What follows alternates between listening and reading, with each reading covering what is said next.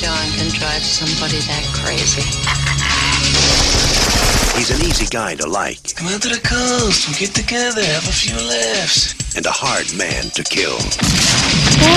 Boom! Velkommen Oh, til shit! Lala Blue. Hallo, hallo. Hallo, Mats. Episode 484. 484. Det Eksplodere. er som kjent eh, koden for at eh, det er tomt for ram på PC-en din. Selvfølgelig. Koden, hva er koden 484 for deg, Philip? 484 tror jeg eh, Jeg vet ikke. Det er mest et litt sånn Jeg føler det er et godt nødrim hvis du bor i en postadresse som har noe med det å gjøre.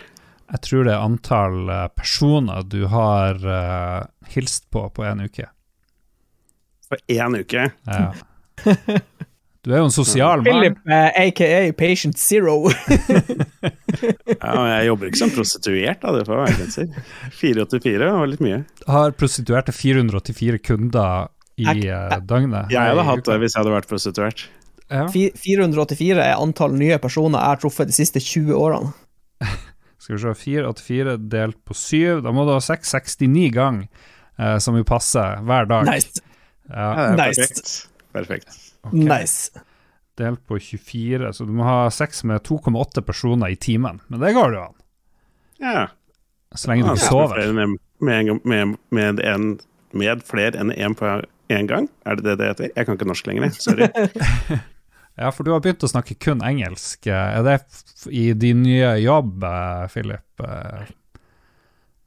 Yes, my new job as a prostitute, my a male prostitute. It's, they like it a lot when I speak like this. Ja, for du driver også Skotsk eh, Ja, han driver etterligner Sean Connery, faktisk. Jeg har, Jeg, har jeg kan jo ikke dialekter eller aksenter eller noe sånt. Jeg vil, bare, Jeg vil bare ha det på det rene at jeg jobba de siste to ukene så har jeg vært eh, i Danmark på jobb, og da har jeg jobba med en skotte i to Ah. uker.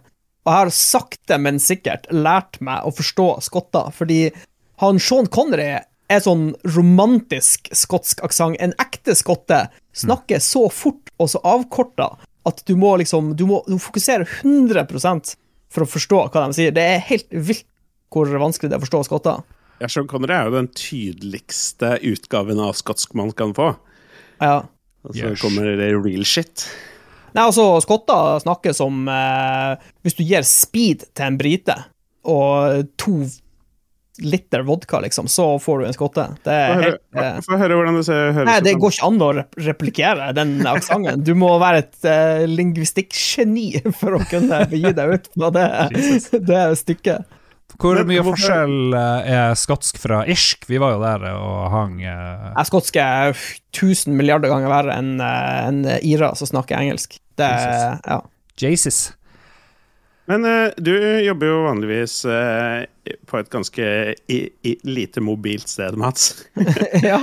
ja, og nå, har du flytta plattformen ned til Danmark i helga, eller hva er greia? Nei, det var, eh, det var rett og slett en bonusjobb. Så av og til så må vi trå til, og så må vi dra andre plasser enn Ekofisk. Og denne gangen var det min tur, så jeg har vært ute på en dansk plattform, eller felt, som heter Gorm. Gorm. Som driftes av Total eh, Energi. Velkommen til Gorm, Mats. Eh, Her lille bort er det din lille liggeplass. Der skal du bolle og knepe. Eh, Det var veldig, veldig artig, faktisk, fordi det er basically Det som er temaet på danske offshorefelt, er at det er veldig mye dansker, selvfølgelig. Og så er det overraskende mye folk fra Storbritannia, altså skotter og briter. Eh, og det som er jævlig funny, er når jeg snakker til danskene, så snakker jeg bare på norsk, for jeg tenker jo at det, dette er jo sikkert lett for dem å forstå, men da feiger de ut og bytter til engelsk. Ah. Så de, de torde ikke å det var, det var kanskje to av ti torde å snakke dansk til meg, og det gikk helt fint, men alle de andre feiga ut og bytta til engelsk. Så dansk er lettere enn skotsk, for å si det sånn? Å oh, ja! det er mye lettere enn en Eller også, det, det fins jo eh, grader av hvor skotsk er du når du snakker eh, Og eh, noen Problemet er de som snakker så fort. Hvis dere syns at jeg snakker fort, så kan dere gange det med tre, og så slenger dere på en sånn her tjukk eh, skotsk aksent. Det er helt vilt hvor De har så hastverk når de skal formidle eh, informasjon. Hva Det er er det der at de danskene ikke, ikke snakker dansk, er alt jeg på å si. For jeg reagerte litt på at jeg gjør det samme med svenske venner. Når vi spiller online og sånn, så snakker vi engelsk. Og så er jeg litt sånn Kan ikke vi egentlig bare snakke norsk og svensk? Det Ja, norsk og svensk er jo. Peanuts sammenligna med norsk og dansk. Ja, ja, jeg er i hvert fall kjempelett for å forstå svenske, men jeg tror kanskje de sliter litt mer med å forstå oss. Ja, dette var Ja. sånn der, tror- er jeg fra en tror- podcast fra 1987 eller noe. Oh, Jeg tror, jeg tror svenskene Svenskene er litt sånn franskmennene. De, de har ikke lyst å forstå norsk, derfor bytter de til engelsk eller et annet språk. Hva er, hva er ni og halv fems, uh, Mats? Halv fems eh, er jo 50? Halv fem er 90. Halv fem Altså, er er 90. halv fem 40. 90? Ja, Men hvorfor er, tre, hvorfor er halv tress 30? Nei, hva det er Vet ikke hva, jeg aner ikke. Jeg måtte google. Jeg skal bare finne ut et vanskelig er tress 30 eller 60? Tress er 60, eller ikke? For det er 30 ganger 2. Tress er 60, ja. Det- Ja, ok, ja, da har jeg litt på gang her. Ja. Ja, det er ok. Vær så god. Patreon.com slash lolboa hvis du vil støtte denne informative podkasten. Kan lære noe nytt hver uke. Men, Men eh, vi kan, for å korte litt ned på Danmark-oppholdet mitt, så skal vi eh, vi- Vi skal innom den eh, kulinariske verden, som er Danmark, det danske kjøkken. eh, Og det kan dere glede dere til til anbefalingsspalten. Kartafler. og Kartoffel. Hallo, har du lite kartoffel? Kartoffelbøtter? Men er det likt på er det likt på vi, de som hører Lolboa? De har jo et enorm innsikt til det å jobbe i Nordsjøen etter hvert, eh, Mats. De vet alt. Ja. Og, eh, men er det stor forskjell på dansk plattform og norsk plattform? Selve plattformene er ganske Det er litt mindre i Danmark. Litt sånn um, uh, Du ser de har spart litt penger, rett og slett, bare på uh, materialet. Altså, de, har bygd det, de har ikke bygd det så stort og flott som de kunne ha gjort det.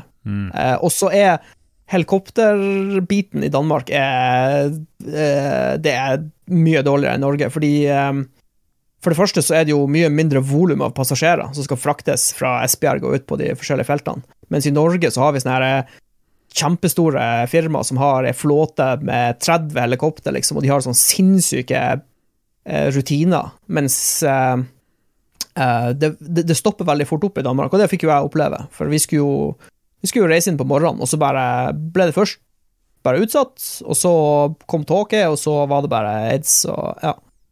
Så de har liksom, de har, de har mindre helikopter, de har, og så har de fysisk mindre helikopter, de har mindre modeller, eh, de har færre erfarne piloter. Ja, det er rett og slett eh, Ja.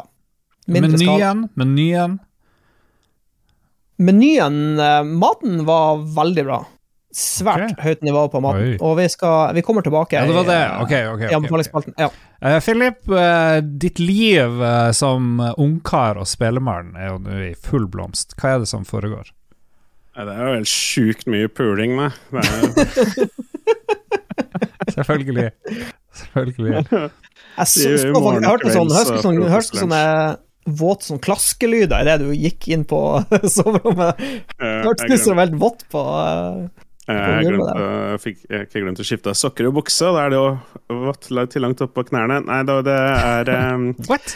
Uh, Ja, nei, til de som faktisk er interessert i hvordan det går med denne sjekkinga, skal de sjekke den vodden fra den, en eller annen stream vi gjorde, hvor jeg og Adrian fikk diskutert dating og sånn lenge. Ja, det, var, det var morsomt, det var bra. Um, jeg har jo denne jobben min som um, eh, jeg er glad jeg er fornøyd med og sånne ting, men den ligger på Østerås. Det har jeg liksom klagd litt over. Og for dere to så betyr det egentlig greit at det ligger ute i Bærum. Eh, Ja. Det gir meg type en litt sånn kjip reisetid til jobb, og så må jeg gå 20 minutter, og det er litt kjipt og sånne ting. Så jeg sutra litt over det, men that's life. Det er liksom sånn det må være. Jeg jo kortere reisevei enn Mats, liksom, så det går seg til. Um, men nå har de annonsert at de ser på nye kontorer, og de vurderer å flytte. Oi. Og da er er du bare sånn Jeg kan vi flytte? Og så sier du navn på gata der du bor. Ja, eh, Gata til dit jeg skal flytte nå, det hadde vært perfekt. Å bare ha kontoret kontor midt på Majorstua. Det hadde vært eh, veldig ålreit. Komme seg litt inn til byen og urbane strøk og være en del av næringslivet som liksom skjer her inne. Så dette blir bra, tenker jeg. Og så har de faen meg tenkt å flytte lenger vekk! Om det var mulig å flytte lenger vekk! Så nå, selv om jeg flytter lenger vestover, flytter til Majorstua, så må jeg fortsatt ta sånn tre Nei, liksom trikk, og så buss, og så buss. Og det tar liksom over en time å komme seg på jobb, og det kommer jeg til å sutre meg over. Men du, eh, du måtte jo Du måtte jo skjært inn når eh, de skal flytte kontorer, og bare sagt Hei, hva med hjemmekontor, folkens? Alle sitter hjemme hos seg, og så jobber vi remote. Ok, nå skal jeg Jo, hvis du hører på nå, jeg er ikke overraska. Fordi du er en veldig engasjert uh, sjef, som jeg kan tenke meg å høre på det jeg spiller inn en gang iblant, bare for, uh, for sikkerhets skyld. Men det jeg kan si, er at Jo er ikke særlig glad i konseptet hjemmekontor. Det er noe som har blitt nevnt noen ganger, men jeg skjønner jo det Han har mange gode argumenter for det, for all del, liksom. Men, uh, men ja, jeg tror vi kommer til å gå mindre i den retningen, og mer å måtte flytte ut lenger vekk i Bærum. Men finere kontorer, da, for all del. Men lenger vekk. hva er de gode eh, argumentene mot eh, hjemmekontor? Eh, Det er jo at du får en helt annen dynamikk når du er på jobb eh, sammen med andre mennesker. Det handler både om den liksom, sosiale biten og liksom, hvordan man interagerer og blir kjent hverandre og samarbeider og deler informasjon og kunnskap, men også om hvordan man på en måte eh, engasjerer hverandre til Og å jobbe og gjøre ting og være aktive og ha et høyt Og så har sjefen mindre kontroll på de ansatte. Ja, betraktelig mindre kontroll, ja. Han kan, han kan ikke bare gå, eh, gå gjennom landskapet og se på soldatene sine, hva de holder på med. Mm. Det ble jo spådd at det skulle bli mye mer hjemmekontor etter korona, for vi, vi visste Vi beviste at det her fungerte, uh, men vi måtte jo få det til å fungere. Og nå er vi liksom tilbake, og nå er det ikke lenger noe pandemi osv. å snakke jeg, om. had, jeg, var, jeg var under inntrykk av at IT-bransjen hadde mye hjemmekontor fortsatt. Ja, kanskje de har det, jeg vet ikke. Men jeg Det føler er, at det, har liksom, det har mista litt steam, den der hjemmekontorbølgen, da. Ja.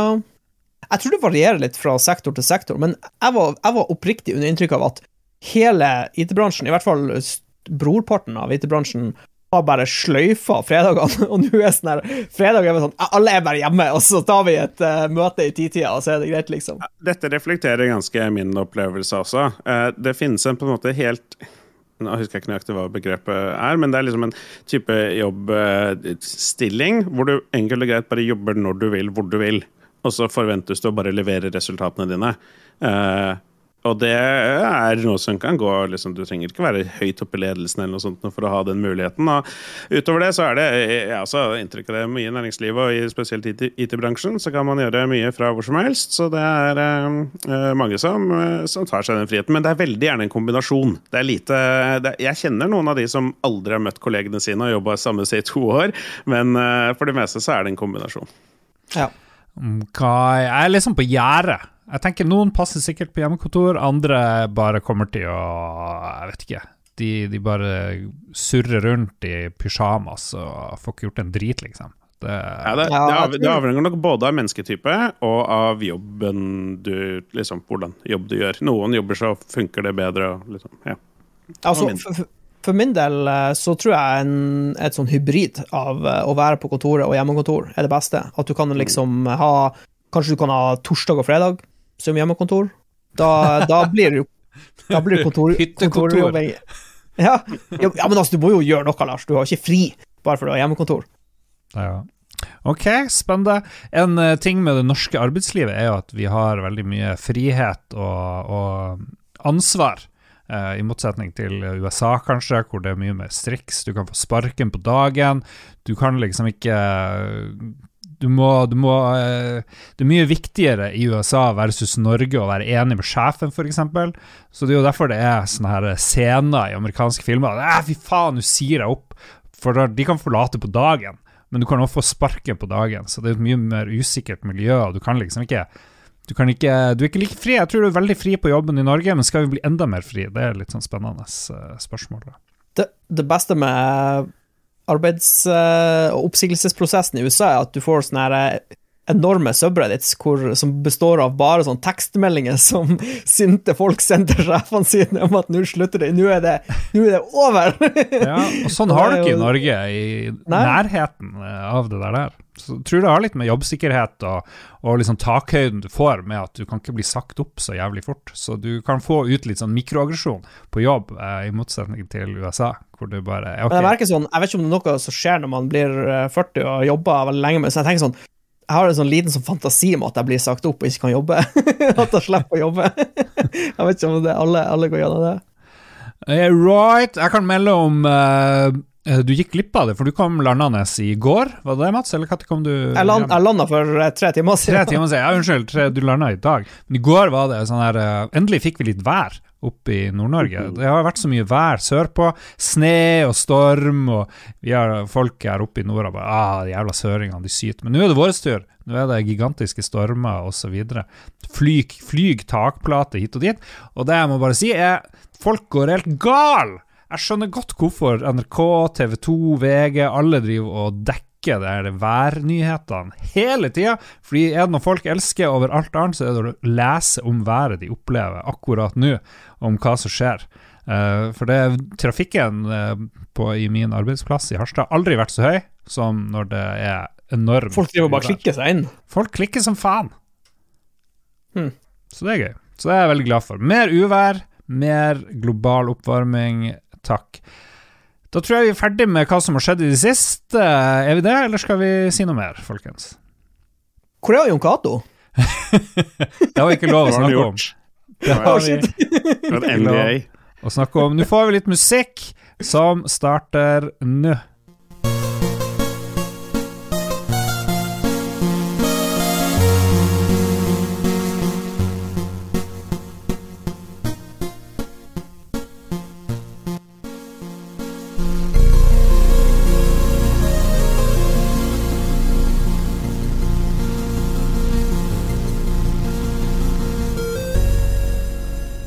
Holy fuck. Det var awesome musikk. Det var altså en uh, enorm artist som heter Gusse. Gusse. Gusse. Gusse, Gusse. Ja. Vi I'm coming for that Gussie. vi kutter musikken der, altså. Nå driver vi og kjører bare random shit fra YouTube her. Det er liksom ikke samme tekniske nivå, jeg vet det, som når han Jon Cato uh, står for Men vi, vi prøver. Vi prøver så godt vi Vi kan. prøver så godt vi kan, og det har gått helt bra. Vi skal snakke om hva vi har spilt i det siste, folkens. Og der uh, ser jeg at uh, Philip har er tilbake til Oi. sine, sine badboy-røtter som fighter. Klarte å knuse trynet King og Iron Fist! Ja, hva du har spilt, eh, Philip? Ja. Er jo Tekken 8 da, baby. Nei, nei, det er godt å være litt tilbake på det kjøret. 8! altså. Jeg eh, har jo mye historie med Tekken.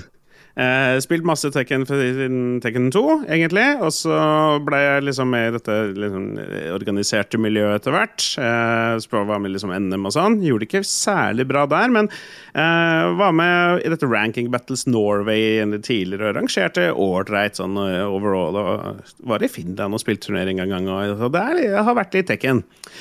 Men Tekken er et sånt spill som eh, jeg tror Mats kan kjenne seg igjen litt i den i at det krever mye investering i tid for å bli god. Ja. For å liksom bygge det opp til et nivå hvor det liksom er vits. Spørs om du Eh, er velger eh, Spørs om du velger han Eddie, for da kan du bare Eller en huarang. Mæsje, som det heter. Ja, vi må være forsiktige med at vi ikke mobber main til han eh, Philip. Hvis det, jeg vet ikke hva. Det skjer fort, det. Ja, nei, nei, vi har eh, Vi eh, organiserte spillere hever, hever oss over sånne ting. Det har vi gjort i mange år. Det er ikke noe problem. Vinneren av Tekken 4-NM spilte Christie, altså Eddie, holdt jeg på å si. Og Ja. spilte helt utrolig godt. Hele pokerspill og på range og Ja, nei. eh, så med, Ja, nei, så jeg, Ja, det, liksom- sorry, uh, før han Lars avbrøt oss. eh, Det jeg skulle si, var Jeg forstår hva du mener, fordi det er litt som et som Dota og League of Legends, for du må, du må kunne alle heltene for å vite hvordan de spiller, for å kunne countre dem og finne svakhetene deres. Så, så det blir sånn her, du må ha et sånt bibliotek av kunnskap for å nå høyt opp. Ja, det er akkurat det. og I tillegg så må du liksom ha disse tingene inn i fingrene. Og for å være helt ærlig, så den delen er nok den delen jeg takler best. Jeg ser noen diskusjoner om sånn, Å, hvordan får folk til disse komboene? Altså, jeg bare, de står jo på skjermen hva du skal trykke. Og så bare, Du må bare memorere det, og så trykker du bare i riktig rekkefølge. Jeg skjønner ikke hva som er så vanskelig. med- Men, øh, øh, men det igjen krever veldig mye tid å sette seg ned og gå gjennom alle listene, og liksom trene alle movesene, få det inn i fingrene, memorere alle sammen. Og så må, som Mats var inne på, du må helst gjøre det for alle sammen, hvis du da skal på en måte kunne countre det. eh, de du Det spiller går jo ikke an, det er jo altfor mange karakterer. Hvor mange er det i Tekken 8? Det er jo helt sinnssykt Ja, det er mange. sjukt, sjukt mange. Det er eh, ganske mange. Det er eh, til de som har spurt etter. Det er ikke noe lei Wulong denne gangen, eh, som veldig mange selvfølgelig er, er lei seg over. Ah, ja. oh. Det er noen nye og noen gamle. og det er politifyren? Ja, han politifyren som mange husker som kunne legge seg ned og sånn. Ja, ja, ja. Eh, det er mange av de gamle som er med. Paul Phoenix og Marshall Yeah. Law og sånne ting. Er han Brian Fury med fortsatt? Brian Fury er med, vet du. Hell yeah! er Mer sinna enn noensinne. Konge. Uh, eh, jeg ser at det er ikke alle jeg har unlocka ennå. For jeg ser at Eddie Gordo står under returning characters på Wikipedia, men han har ikke jeg sett ennå. Eh, dere skal få lov til å gjette, da. Det er tre Nei, Jon Cato har quiza Lars på den allerede. Vi kan quize Mats. Det er tre karakterer som har vært med i alle Tekken-spillene. Uh, Yoshibitsu. Uh, uh, Heihachi. Og den bjørn. Jeg vet ikke. Kuma. ja. Ja, det er sånn, Nå husker jeg ikke den tredje, men det er ikke Heihachi for han er ikke med i, i åtte. Å nei! Eh, så Han har blitt kasta i en sånn vulkan fem ganger, altså, sikkert. Før eller senere så klatrer han ikke opp fra den motherfuckeren. Ja. Nei, nå husker jeg ikke det andre, men eh, nå har jo Dette ble spurt på et tidspunkt hvor eh, ikke alle var, annons, eh, var annonsert for Tekken 8 ennå, så det kan hende den lista har blitt litt, eh, litt større nå. Eh, men det er et eh, artig, artig spill. For de som da er interessert i det som er nytt i Tekken 8, så er det da selvfølgelig noen nye karakterer og sånne ting. Det jeg har lyst til å nevne først og alt, er story-moden. For det er jo vanligvis ikke noe som stjeler noe særlig kake i slåssespill, men story-moden i Tekken 8 er faen meg ganske kul. Uh, den er jo eh, serverer jo en historie om ondskap og noen skal ta over verden osv., men den er relativt spennende. Den lar deg spille forskjellige karakterer, den lar deg teste ut forskjellige ting. Det er eh, enkelt eh, og fint organisert i forskjellige chapter og sånne ting. Og til å være et slåssespill så er det en dødssolid på en måte singleplayer story mode-del. Antakeligvis den beste jeg har vært borti i noe, i noe slåsspill. I den, den grad det betyr noe. Oh. Kult. Eh, Så det er ganske ålreit. I tillegg så er det en singleplayer mode som heter Arcade Life eller et eller annet sånt noe, og det er noe fuckings bullshit. Det er noe Hva er det, sånn hva er det for noe? PlayStation, det er sånne PlayStation Home-avatarer eller noe sånt. Noe. Sånne der, litt sånne der små ja, eh, Blanding av det og Sims. Og så eh, gå, liksom starter du i en arkadehall, så kan du liksom gå rundt og spørre folk om de vil slåss mot deg, og sånne ting, og så ranker du opp, og så liksom kommer det en fra den rivaliserende arkadehallen og krangler med deg, og så må du slåss mot hverandre, og oi, oi, oi, ikke sant? Det er liksom en sånn greie, da. Og eh, men det er så teit pakka inn i, liksom her- i disse dumme små figurene som ser ut som barn, men har liksom fullt ansiktshår og sånne ting. For de skal jo liksom være voksne, for Tekken er jo liksom et spill for voksne. Men nei, det skjønner jeg ikke noe særlig av. Det er noe jævla bullshit. Eh, eh, ellers så er spillet i seg selv ganske ålreit. Jeg er, har ikke spilt det så mye ennå, men jeg er litt skeptisk til et par ting, for de har lagt til eh, tre ting som gjør det veldig mye enklere for på en måte alle å spille. Um, et sånt assist mode-system som er at du kan trykke på firkant liksom to ganger, og så gjør den en sånn crazy combo. Um, som hjelper, selvfølgelig, uh, men det lærer deg jo ikke spille i det hele tatt. Uh, så er det en uh, som har vært med tidligere, som heter Rage, som du unlocker når du på en måte er under 25% helse. Da kan du gjøre et spesielt angrep, og hvis det treffer, så tar du liksom 50% av healthparen til motstanderen. og sånt. Og det er Sånn comeback-ting. ja. Men sånn easy mode-greier, det tror jeg kom i Street Fighter òg, så jeg tror de har bare kopiert, liksom, eh, Ja, den er, konseptet. den, ja det, dette andre har vært i Tekken eh, tidligere, eh, men det som er nytt i tillegg til disse, er Er det Rage det heter? Nei, eller var det det jeg nettopp sa? Du sa Heat. Rage. Heat heter dette her. Ja, det er bare sånne duste generiske navn uansett, men og, dette er eh, Er det sånn at eh, når, det blir, når heaten går til vers, så kommer det en sånn her eh, kommentator og begynner å rope sånn From downtown! We're heating up! Out of nowhere! Welcome to the jam! Det hadde vært bedre. Det høres jo awesome ut. I stedet så er det en sånn bar som eh, er fylt opp fra starten. Du trenger ikke fylle den eller noe sånt. Og på, også den kan du aktivere ved å gjøre spesifikke angrep, eller en heat blast, eller whatever det heter for noe. Eh, og da får du tilgang i den perioden, mens da den baren tømmer seg, så får du tilgang til noen spesialangrep, som du da ikke bare kan gjøre mens du, du er i denne heat-staten. Når du er in heat. Når du er er in heat, så bare kjører du In på. heat mode. Full doggystyle. Um, eh, og det igjen gjør jævlig mye skade. Hvis du treffer liksom ett par av de spesifikke angrepene, så kan du gjøre liksom, chunke motstanderen helt sjukt mye. Og de tre tingene kombinert Ja. skal sammen med eh, en siste ting som jeg kommer til, eh, gjøre at spill At du blir belønna for å spille mer aggressivt, er liksom poenget. For å gi deg så mye verktøy til å spille aggressivt med.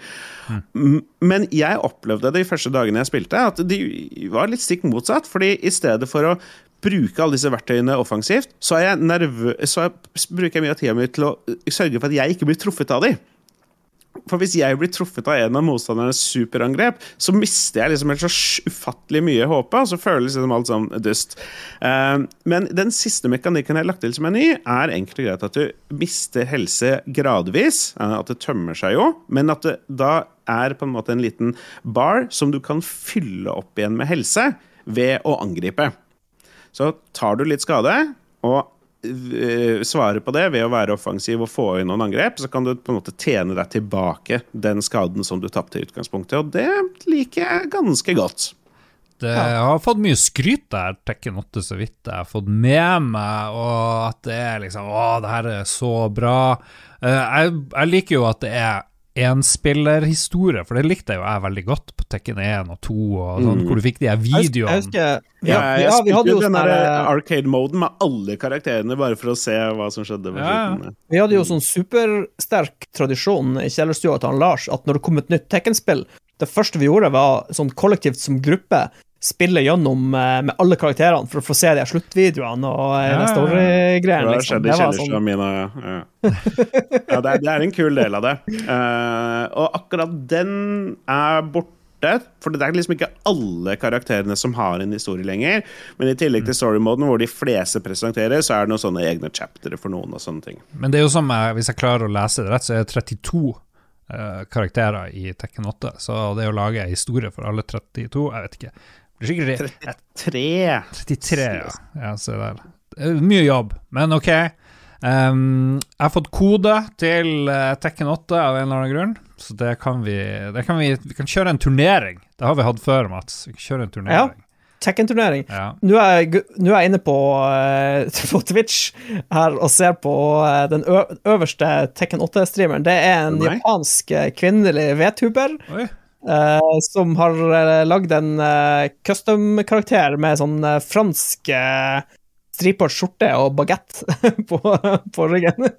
jeg klarer ikke å uttale Jeg vet ikke, enten, Det er kanskje koreansk, jeg er litt usikker på Jeg er ikke så flink på uh, asiatiske skriftspråk. Men Ja, jeg nevner det også, De har lagt inn masse custom-greier, sånn du kan custome characterene inn i alt Ja, hun spiller- mulig rart. Hun spiller han Victor, men hun har liksom gitt han den villeste outfiten, så han ser ut som en franskmann med alpelue og bagett på ryggen. Og... Victor Chevalier, som Ja. egentlig er en type eh, solid snake. Taste my baguette! Eh, dere, dere, dere husker sikkert også Jack-karakteren? Ja. Jack 2 fra Tekno. 2. Ja, Han, det er Jack, sånn, han var jo robot, var han ikke det? Ja, han er med fortsatt. Versjon 8. Jævla Mm. badass.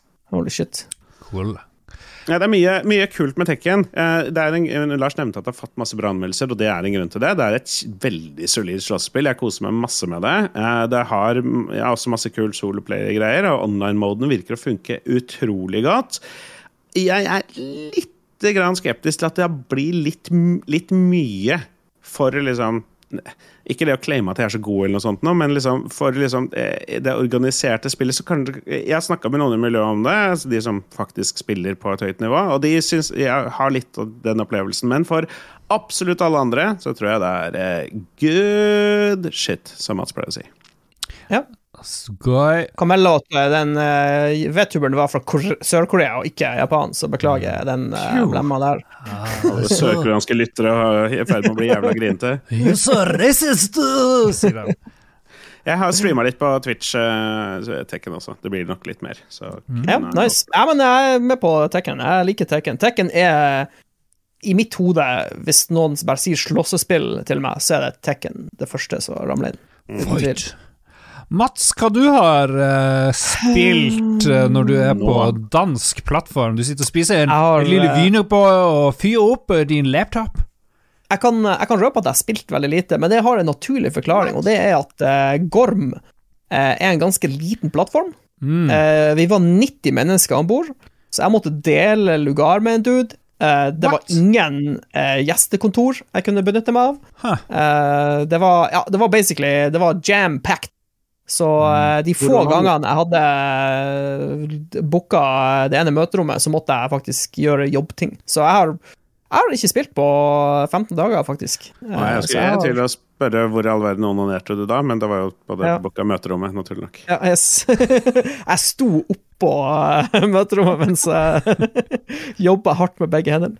Det er sånn der eh, Men, uh, De tror det er lakk på, rom, på, på det der eh, store møtebordrommet eh, på det, det bordet der, men det er selvfølgelig fem, bare- fem sankt med Man No. juice. mad juice. Ah, Men jeg har, jo, vet du hva, jeg har, jeg har Nå lyver jeg. Jeg har spilt. Jeg, jeg leverte inn uh, to kuponger eh, til Norsk Tipping. Oi, oi, oi. ja, ja, ja. Så jeg leverte inn uh, eurojackpot og vanlig lotto mens jeg var i Danmark. Eurojackpot, så litt- altså. Det er mye cash nå, ass. Ja, ja. Faen meg Eller- enorm scam, det der jævla Eurojackpot, eller som jeg liker å kalle det, the retard tax. ja, det, det er det. Hvis du vinner 1,3 milliarder, Mats, så kan du gi meg litt, for jeg, siden jeg, i, nå i februar så må jeg betale leie på to leiligheter og for flyttebyrå og litt sånne ting. Hvis, eh, dette, dette kan vi, dette kan vi eh, lagre eh, offentlig, men hvis jeg vinner førstepremien på eurojackpot, så skal jeg lage et gaminghus, og der kan alle komme og bo så lenge de vil. Oi. Oh, yeah. Ja. Det blir enda lenger å pendle til Bærum, men eh, det skal jeg overleve. Det høres gøy ut. Hashtag worth. Det blir som å være i filmen Entourage, bare at ingen av dem i huset er kjent. eller har sex. Ja. det blir reverse. reverse. Reverse, altså. Å, fantastisk. Lars, hva du har, hva du har spilt? Du har skrevet opp masse ting her. Jeg har skrevet masse ting. Jeg har noen prosjekt på gang. Jeg har uh, fortsatt Jeg, jeg ga en dårlig kritikk av Starfield i forrige Ja, du er i uke, verdensrommet. Ja, Jeg kom opp i verdensrommet, kom ikke så mye lenger. Nå har jeg kommet meg ned ut av verdensrommet, fant ut at man kunne quick-travele. jeg trengte ikke bruke flere dager på å reise i romskip uh, rundt omkring. Så jeg kom på den første stasjonen hvor du skal renske noen banditter. Men mitt problem nå er at det er altfor mye ting, og jeg ser ikke noen måte å skille viktige ting fra uviktige ting. Så Og det der klassiske Assassin's Creed-fella. Ja, så jeg plukker jo opp mye drit. Jeg begynner å skjønne hva som er bra, liksom. Men jeg er jo enda i den stasjonen for jeg bruker altfor mye tid. Jeg har skutt noen folk. Jeg syns det var veldig vanskelig å liksom Inventory-systemet i, i Starfield syns jeg er litt sånn Ja, ugjennomtrengelig. Nei, du har en lang liste over kategoriene. Først må jeg trykke på en Å, knapp. det er, det er Skyrim, liksom. Ja, men jeg synes det er verre. Først må du trykke på en knapp, så kommer du på en meny, og så må jeg trykke enda en knapp, så kommer jeg inn i menyen hvor det er liste over alle tingene, og det er bare å gi tekst nedover. Det er siste items du har plukket opp, og så er det armor, og det er våpen, og det er edibles og masse drit. Og øh, jeg vet ikke. Jeg skjønner ikke, jeg skjønner ikke det inventory-systemet. Um, Foreløpig. Og det, det ikke, irriterer jeg meg. har, ikke, um, jeg har faktisk um, jeg, jeg kjøpte jo Starfield eh, for lenge siden, for jeg tenkte sånn Ja, det er Bethesda, eh, no-brainer. Men um, etter, um, etter å ha spilt Cyberpunk 2.0 og sett hvor bra uh, sånne spill blir når de gir deg litt tid, så tenker jeg faktisk at det er bare å vente med Starfield. Kan, Ja. Tenk hvis de får en uh, renessanse der òg. Men gjør Betesta sånne ting? Har de revampa noe Ja, særlig? det er jo det som er det store spørsmålet. Ja, men vet vi det om de men- jobber med noe utvikling til det, eller noe DLC? Eller? Ja, og, og, det, og det, det jeg mistenker også er større sjanse for at blir å skje med Starfield, er at noen eh, fans blir å lage noen mods som fikser det. Det er jo det som har skjedd med tidligere Bethesda-spill. Men nå er jeg jeg ferdig med å ja. rydde, tror jeg, den der forskningsstasjonen, så nå skal jeg ut i verdensrommet igjen. Og jeg hater å fære opp i verdensrommet, så jeg har ikke lyst. Så jeg tror jeg bare blir på den der uh, forlatte forskningsstasjonen. Men vi får se. Kanskje jeg har kommet videre til neste runde. Men eh, jeg liker hvordan måten, måten spillet ser ut, da. Det, jeg syns det er Ja. kult. De har jo endelig kommet litt videre grafisk, eh, de her uh, Betesd Betuz. Betty, Betty Boys. Betty Boys. Jeg har spilt litt mer eh, ukens spill i spillklubben forrige uke. Chance of Senar, det er kjempebra. Anbefales. eh, Jeg vil gjerne kaste inn brannfakkel. Ja. Eh, mulighet for å utvide spillklubben til 14 dager i stedet for 7 dager. Jeg For det- syns det var det- veldig, veldig Insane tempo med bare ei uke eh, hvert spill. ja, men nå blir det en ekstra uke, da, fordi um, Ja, ok, ja. Cato er ikke med yeah. denne gangen. Ja. Så da blir det eh, Og det vi driver og spiller nå, det er Season A Letter to the Future. Så da har A letter eh, to the future. Uh, en uke til på Jeg må google det. A Letter to the Future. Det ser, det ser litt weak ut. Du driver og sykler, og det ser veldig sånn Noe bullshit er det? Jeg hater tråsykkel. Nei, vent litt, jeg har jo en tråsykkel. Red Dead Redemption har du fått hest. Ja, nettopp. Uh, og så har jeg spilt kjapt noe som heter Neon Abyss. Neon Ja, Abyss. Neon buss. Twin stick shooter uh, springer rundt uh, i plattformverdenen. uh, Random-genererte nice. ting. pff, vet ikke. Det er Ternekast. Ternekast to så langt. Oi. Hva er det du spiller det på? Eh, Xbox GamePass uh, var det der. Ja, ja, ja. Men da er det på tide med mer uh, musikk. Da skal vi høre på et eller annet random. Å, den her er bra. Hvis jeg klarer å få det i gang. Der, ja.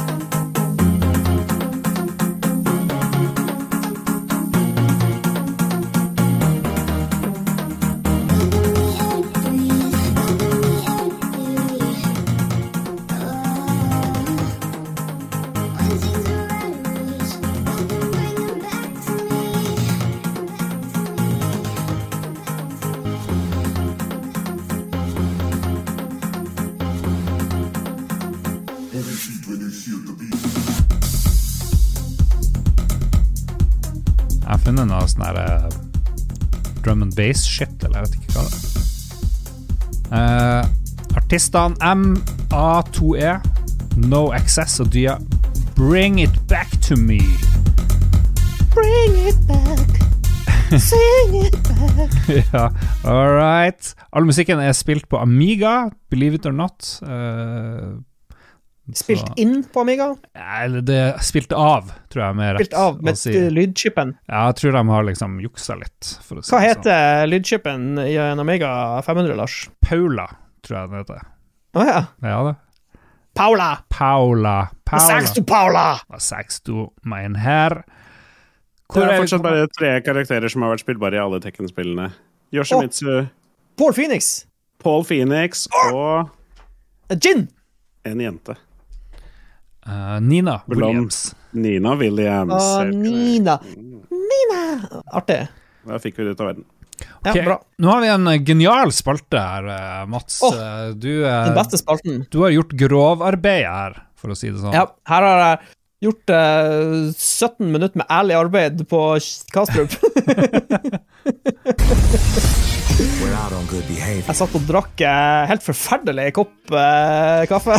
Mens jeg satt og Ikke gå på, ikke gå på eh, den kaffesjappa i terminal 2 som er rett før du går ned til A1, A2, A3, A4 og så videre. Eller A4 begynner det vel på. Der var det ikke noen noe kaffe. anbefalingen din denne uka her. Det var eh, kontra, kontrabefaling. ikke Hold dere unna. Styr unna. Du har funnet frem spillene i februar på glimrende Ja. vis. Og Yes. første spill du har uh, dratt fram, er Suicide Squad Kill the Justice League. Kill. Jeg lurer på hva som skjer i det spillet her. Nei, jeg vet ikke. Det er masse slåssing. Uh, ok, skal vi Kjente og kjære karakterer, men problemet er at alle ser jo annerledes ut enn de gjør i filmene. Så det er jo, man må jo tenke seg Men ok, det er lett å der haifyren da, og Harley Quinn og han uh, Superman. Er det Dead Eye han heter? Sniperman? Hva heter han som han vil smitte? Superman, tror jeg det er, ja. Sniperman, ja. Og så er det han eh, Det der er jo han eh, Han som han eh, med den grønne ringen. Ja, Green Lantern. Green Lantern. Ja, en svart Green Lantern, så det er ikke han han? Hal.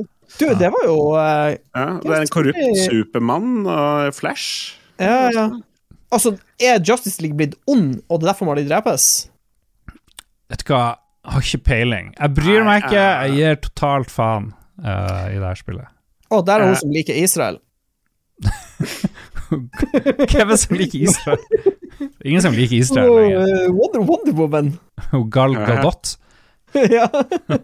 Jo, hun liker Israel, det er jeg ganske sikker ja. på. Eh, nei, jeg skjønner ikke først og fremst liksom hvordan type spill dette er, men det funka jo for det derre For det derre var det eh, Guardians of the Galaxy-spillet funka det jo, og var det ikke det som ble utgitt i, en, i et spill som ikke hadde noe med filmen å gjøre i det hele tatt? Uh, syns jeg husker, og det funka eventuelt ganske bra. Uh, så det ja.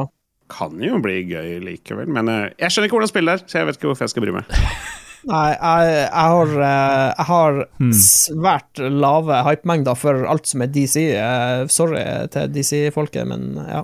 Tommel ned fra Mats, tommel ned fra meg. Uh, Philip, Tommel ned. tommel ned. Oi, oi, oi, oi. oi. Er start, Målig start på februar. Ja, 2. februar så kom altså det her, eller kommer altså det her Suicide Squad-spillet. Men da spoler vi frem, Mats. 8. februar, da kommer det en høydere, folkens. Eller jeg veldig i hvert fall og, gleder meg og tror at det blir en høydere, for da kommer Helldivers 2! Oppfølgeren til det fantastiske første Helldivers-spillet. Som er laga av democracy svenske karer, de som lagde Magica og Arrow, Arrowhead. Arrow, Arrowhead? Ja, det er noe sånt. Mm. Det det, det har jeg trua på, for det blir PC og PlayStation 5, og det blir crossplay dag én. Eh, spill på det du vil, spill med vennene dine. Og så har de eh, gått fra å ha den her top down-vinkelen til å bli full on 3D. Ah, det ser eh, Det ser bra ut. Det har samme stilen. Det er litt sånn der eh, eh, Starship Troopers-trailere innimellom, og litt sånn edgy, artig uh, Det er jo. Super Earth. Du må slåss for Super Earth! Og for de som ikke har spilt originalen, så er det type sånn eh, det er jo et multiplayer-spill. Det er jo det som er liksom, det geniale her. Mm. At du er en squad sammen, opptil fire stykker, og så samarbeider man med å drepe masse bugs. Ja, Og så er det kommet en ny fienderase. Det er kommet noe sånn her uh, eh, eh, robotrase som er fi- fiender. Så du har uh, Ja. Det hadde du kanskje i det første spillet? Ja Usikker. Usikker, Du hadde jo tre fiender, hadde du ikke, i det første? På en måte. ja. Nå er det lenge siden vi har spilt det her, Mats. eh, Ja, ja, ja. Men det, det jeg gleder meg til, er overgangen til full on 3D. Jeg håper det blir en smidig overgang. For, fordi Hvis de beholder konseptet med at vennene dine er like farlige som fiendene, så, eh, Ja. ja, så blir det her bra. Ah, Men det er dere vet hva jeg kommer til å spørre om nå? Om vi skal spille dette på stream? Ja! stream. Det må vi. Ah, det. Save the date eh, 8. februar. Jeg gleder meg. Skal vi se, 13. februar er det noe som heter Ultros. Hadde aldri hørt om det før i dag, men det er blant annet en fyr som var med og lagde grafikken til Hotline Miami, som, eh, som står bak det her. Så veldig mye farger. Litt sånn, eh, litt sånn weird stil. Jeg fikk sånn Metroid-inntrykk. Uh, Ja. Og så ser det ut som ting skal starte om igjen og om igjen. Uh, du Jeg vet ikke, det er mye rart i den traileren, men det ser uh, reach awesome ut. Through the cosmic veil and deliver the demon. Ja. 2D, sideskrollende greier. Hall sånn- greier. Hollow Night-preg over seg, syns jeg. Ja. Det var veldig fargerikt. Ingen skal komme og si at det spillet her mangler farger. Mm. Alle fargene er i det spillet. Så jeg er med en gang positiv. Det er en wizard her, ser det ut som. Så Mye syretripp-shit. Uh, YouTube-bruker Bone Dirty 7231 sier This feels like Metroid meets early 90s MTV commercial, and I'm all about it. Ah, det yeah. var egentlig ganske bra oppsummering. Bone Dirty har bare én tommel opp på sitt innlegg, men han fortjener 10 000 tomler opp. Jævla Bone Dirty 721, altså. Typisk Bone Dirty. Sånn type. Nei, men kanskje, kanskje det dukker opp en liten uh, overraskelse i det i Ultron. Ultros. Sorry. Ultros! Skal vi, se, om lytterne skal få litt lyd fra traileren. Kanalen. Det er visst noen flinke folk som har lagd musikken. Det noen, jeg kjente igjen både de som har lagd grafikk og musikk. Ja, ikke sant? Det, ja. Ja. Nei, men sjekk det Ja, out. jeg, gir, tommel opp til Ultros. eh, det ser interessant ut. Enorme tomler opp. PC og PlayStation 4 13. februar. Og PlayStation 5, selvfølgelig. Ah, yeah, bye. Og neste spill, Mats. Eh, samme dag eh, kommer det et spill som heter Banishers Ghost of New Eden. Ghost Ja, ja. Skulle vi gitt eh, noen tomler eller noe sånt? Om vi skulle Opp eller ned til ja, de foregående spillene? Å ja, Helldrivers 2 fikk to tomler opp, selvfølgelig, hos meg. Ja, det skal få tomler opp her. Da. Masse tomler. Ja, beklager Og Ultros får også tommel opp, selvfølgelig. Hell yeah. Ja, det blir for mye, så tommel ned for meg. Bare for å balansere ut litt. Balansere ut. Ja, Ja. Balanse. Skal vi se Tilbake til Banishers Ghost of New Eden, var det vi skulle se Ja. på. Også det 13. februar. Skjønner ikke helt hva det er, Mats? Vet du hva det er? Nei, Action-RPG, kan jeg avsløre. Um, Ja. Det ser ut som noe horror, eh, gothic, eh, scary shit. Store monster, 3D Aner ikke. Aldri hørt om. Ja, det er litt sånn dust med litt sånn Nå føler jeg min indre Jon Cato. Hva er meninga med sånn trailere som dette her? Nei, jeg klarer ikke å snakke noe. ja, Jeg, ja, dette, meningen dette er en, sånn- det er en er storytrailer, så vi får ikke se spillet, på en måte. nei, for da nå har jeg liksom sett snart et minutt av denne traileren, og jeg har ingen idé om hvordan spille dette her. Ja, det, det er jo litt Jeg litt det er Det er jo litt Sånn vår jobb å finne ut hvordan spillet er, da. Så jeg føler vi må ta litt selvkritikk over Nei, dårlig nei, nei. research. Men Nei, ok, men Suicide Squad prøvde i hvert fall. Det var bare jævla dårlig. Men her, Da gjør vi sånn, her, folkens. hva du gjør Nå legger jeg inn What are you en ny trailer. Ny trailer. Nå legger jeg inn gameplay i, do, i Ah, dokumentet. Shit, Oh, Så kan vi se litt på gameplay her. ja. Live Og min. Assassin's Creed-mistanke er spot fucking on! For det første som skjer, er at du klatrer opp en eh, vegg. Så jeg vil bare si at jeg er jeg, Jeg, er- jeg, jeg, skjønner, jeg, skjønner, jeg skjønner bare trailere. Jeg er bare så god. Veldig true. litt uh, The er- er Witcher. Nei, han dro Oi! Se, han bytta! Du er to personer. Oi. Ja.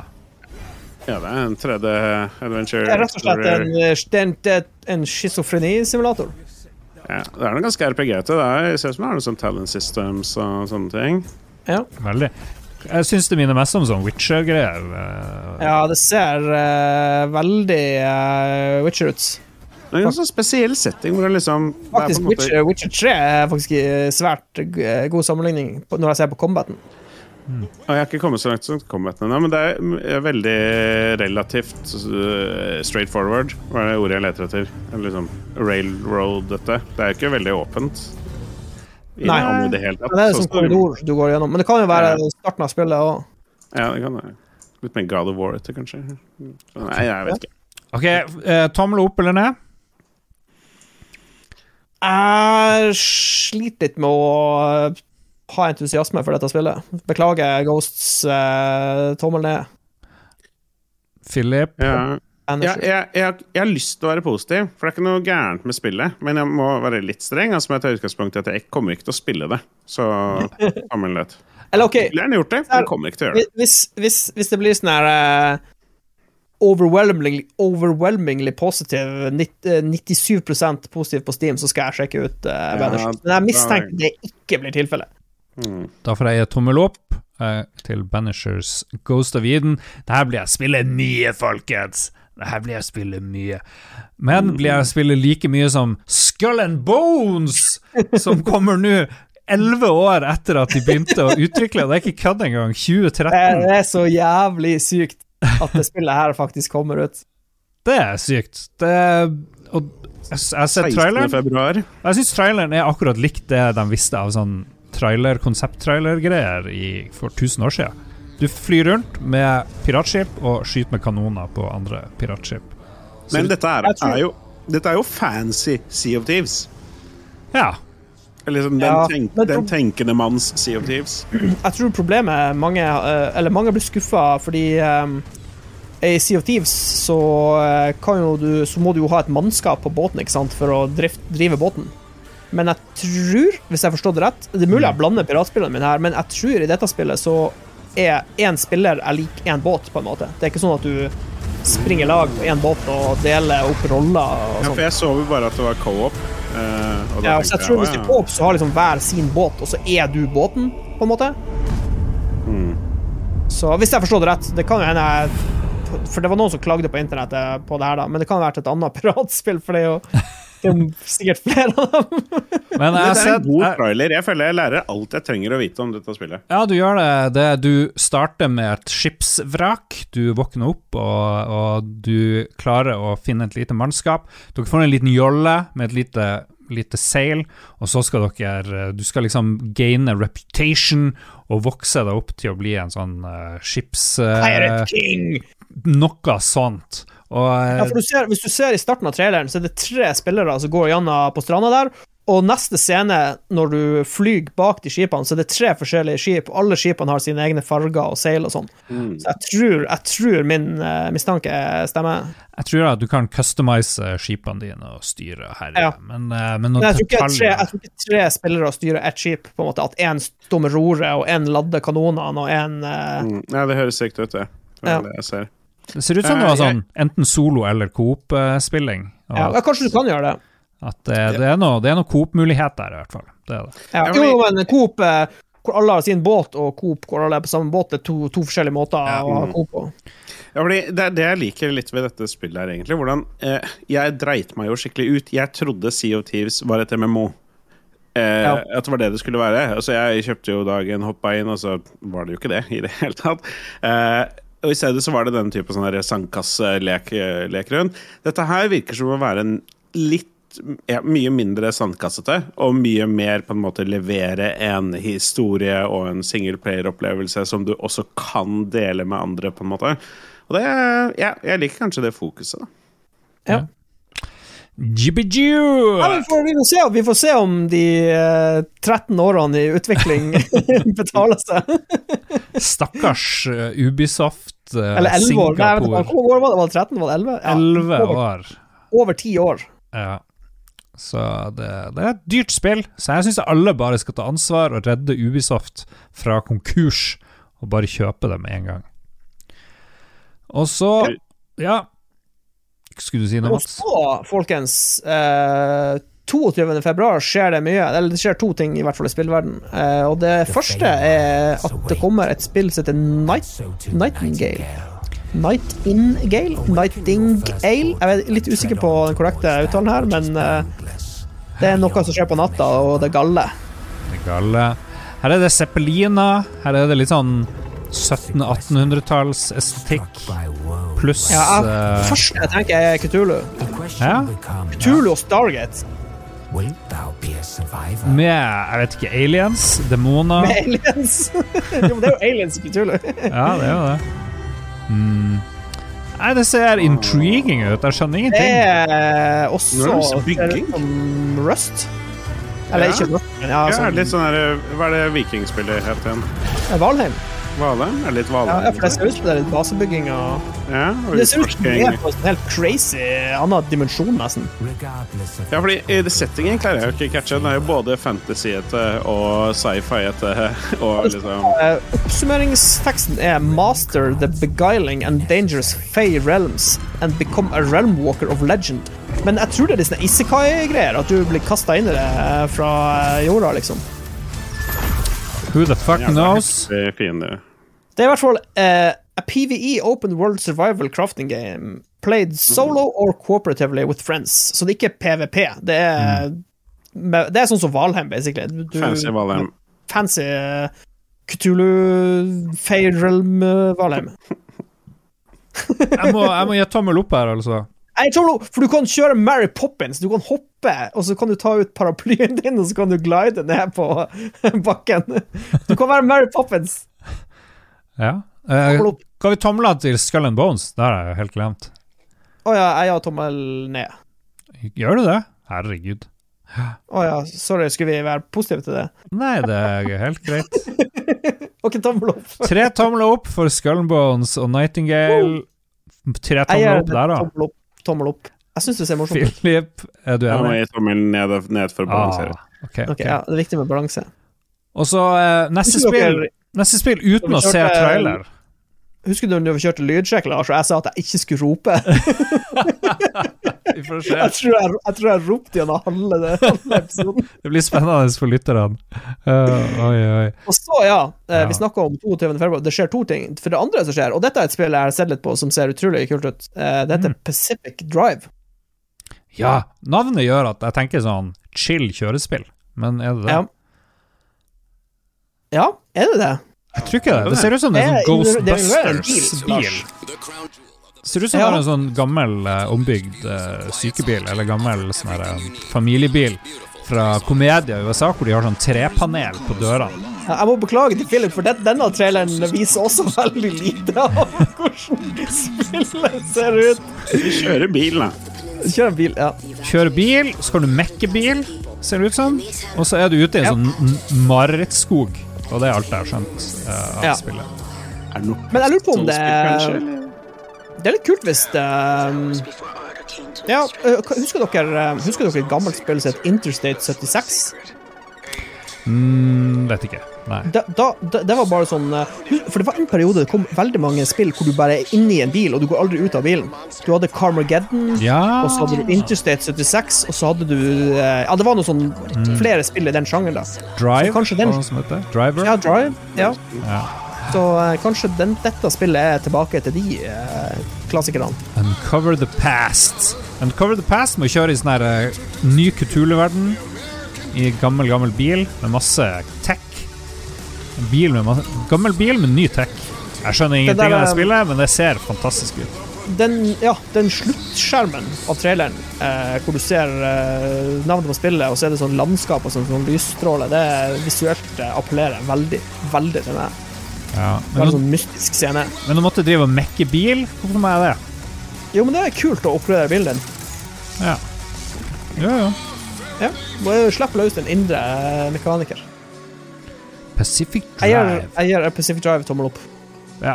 Tommel ned. Tommel opp. Tommel opp.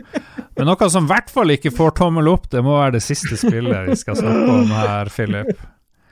Og endelig, 29. februar, så smeller det. Final Fantasy 7 Rebirth, den andre spillet i den nye Final Fantasy 7-trilogien, slippes da. Og ja, nei, eh, de fleste vet hva jeg synes om originale Final Fantasy 7. Jeg har også gjort litt klart etter hvert at jeg er ikke sånn kjempeglad i remasteren egentlig heller. Men det er jo mer Final Fantasy 7. Og da må det jo slukes. Eh, Jeg gleder meg selvfølgelig masse til dette her, selv om jeg kommer til å hate store deler av det. Eh, Jeg kommer sikkert til å spille det mye, og så får vi gjøre noe svære greier på stream ut av det. Oh. Ja. Sephiroth! Kul eh, musikk da i traileren, om ikke annet. Ja, det ser, det ser veldig bra ut. Sånn, uansett hvor dårlig spillet er, så ser det jo ganske eh, rått ut. Ja, og Det kommer ikke til å bli et dårlig spill. Det er sånn her, igjen, Misforstå meg rett. Det er uh, remasteren også er et kjempesolid spill i bånn. Det er masse gøy å leke seg med der, spesielt med kampsystem og sånne ting. Men det er alt det rundt som jeg har snakka for mange ganger om til å, til å begynne å nevne. Ja, men jeg skjønner- jeg skjønner jeg, jeg, godt så synd på lytterne, holdt jeg på å si. Fordi, ja, nei, det, er, ja, det, er, ja, det er for mye rundt som, som er for mye som er øh, merkelig. Eh, Men øh, de gjør noe nytt, og de gjør noe gøy, og det blir sikkert artig å spille gjennom. Jeg gleder meg til å se hva de har funnet på. Det gjør jeg. Med de vise ordene så skal vi høre på en sang som heter Sick on Monday, lagd av en som heter Elwood, hvis jeg får det her til å funke. Tre tomler opp. Jeg gir tommel opp. Tomler, ja, selvfølgelig. Vi støtter, vi støtter deg. Tre tomler opp. Hvis vi hører introen på Sick on Monday. Det høres ikke ut som noen er syk i denne sangen, egentlig, men ok, vi hører. Sikkert ikke så bra sang. Vi kutter den. vi skal anbefale ting, folkens. Anbefaling. Anbefaling. Ja Skal vi se, hvem er det som har lyst å begynne å Jeg, jeg kan jo? Vi har jo allerede teasa litt uh, om min anbefaling, at det har noe med mat som serveres på danske oljeplattformer å gjøre, eller det danske kjøkken. Ja, det er spennende. Da vil jeg først bare si at eh, jeg må skryte Jeg må gi kokken på Gorm skryt, for det var utrolig bra nivå på maten. Det var du, liksom, Når du jobber tolvtimersskift, eh, og spesielt hvis det er dårlig vær ute, det, eller hvis det er sånn stress og sånn, så er et varmt måltid er ofte høydepunktet på dagen, når du kommer inn og skal kose deg med noe varm mat. Så der leverte de virkelig varene. Ja. Og anbefalinga mi har noe med det å gjøre, fordi at vi ble eh, Vi ble servert ei sånn uh, gryte uh, som hadde potetmos som tilbehør. Men så hadde også tilbehøret tilbehør. Så, og jeg skjønte, jeg, jeg skjønte det ikke greia først, fordi jeg tok meg bare litt uh, sånn gryteaktige greier. Sånn her Litt sånn her Jeg tror det var noe sånn her stroganoff-aktige greier. Og så um, satte jeg meg ned, og så gjør jeg meg en observasjon. Fordi alle har jo tatt potetmos, men absolutt alle i rommet hadde strødd baconterninger oppå potetmosen. Altså, de hadde, de hadde, de hadde toppa potetmosen med bacon, og da så jeg jo når jeg gikk tilbake til eh, serveringsbenken, at der står det jo jaggu meg et helt fat med bacon. Og da kopierte jeg jo alle i rommet og hadde masse bacon oppå potetmosen. Å, det var så godt! Hvor, hvorfor er det ingen som fortalte meg at du kan bare strø bacon oppå potetmosen? Men Sier man ikke at alt er bra med bacon, eller stemmer det jo, ikke? det er noen som sier det, og jeg begynner, jeg begynner alvorlig å innse at det stemmer, faktisk. Mm. Alt blir bedre med bacon. Ja. Så det er rett og slett uh, min anbefaling, at uh, hvis dere lager noe som har potetmos, ta og uh, lag bacon og ha oppå potetmosen, for det er jævlig godt. Eh, og Ja, for de som hørte masse musikk uh, i bakgrunnen her, litt sånn inn og ut, det var ikke min skyld. Det var, det var ikke min skyld. Det var, det var min, det var min uh, Jeg ble så jævlig opphissa av bacon at jeg drev og det smitta over.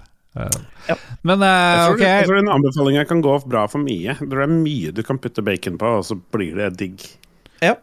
Hmm. Bare OK, anbefalinga er Open your mind.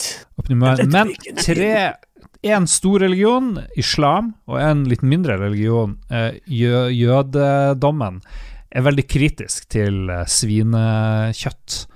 Det er helt greit. Det er mer bacon til oss andre. Ja. Du tror ikke det er noe i det, at det er synd eller et eller annet ureint? At det er haram. Det er noe greier. Kanskje du ikke kommer til paradis? Ja, det er en pris jeg er villig til å betale. Ja. La oss ikke gå nærmere inn på islam og andre religioner. Skal vi snakke litt om sykehus på Vestbredden? Ja, Mats! Jeg så det der der, og så Holy tenkte jeg med en gang her er det noen som har spilt for mye rollespill.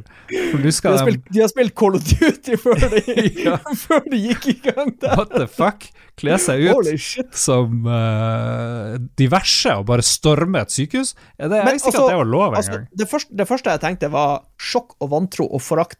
Hvordan våger de å, eh, å ødelegge helligheten til sykehus? Men, men så tenkte jeg det er jo bedre enn å slippe ei bombe og gå inn og bare knerte tre karer som skal knerte, og dra igjen.